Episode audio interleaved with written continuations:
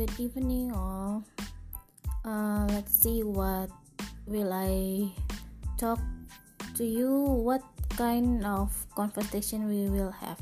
Not conversation i will talk about something.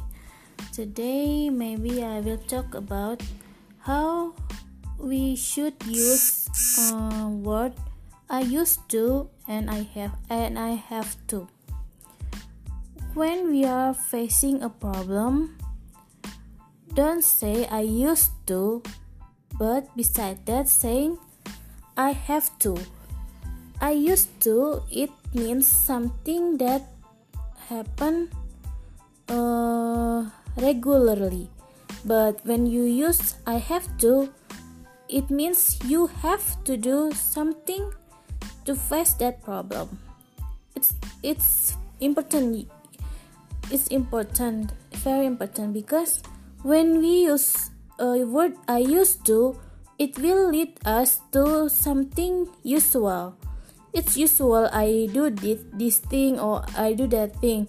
But if you say I have to it means it it, it will lead us to something better to fix the problem that we face. For example uh, it the, the waking up problem. You may maybe say, I used to wake up at 7 uh, a.m. every day, but we can change it. I have to wake up in 8 6 30 past 6 a.m. every day. It means something that we have to do it's different that we usually do that thing so it's kinda important to us to pick the word of uh, making affirmation to instead usual something usual but something that we have to do.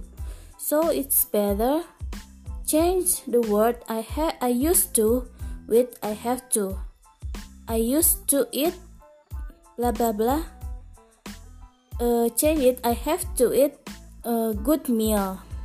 I used to read bible change it but i have to read bible. It's more positive and make your life more uh, better and good uh, day by day. Okay that's all for today. Let's wake up from the uh, bad things and the horror the kind of horror. Okay thank you bye bye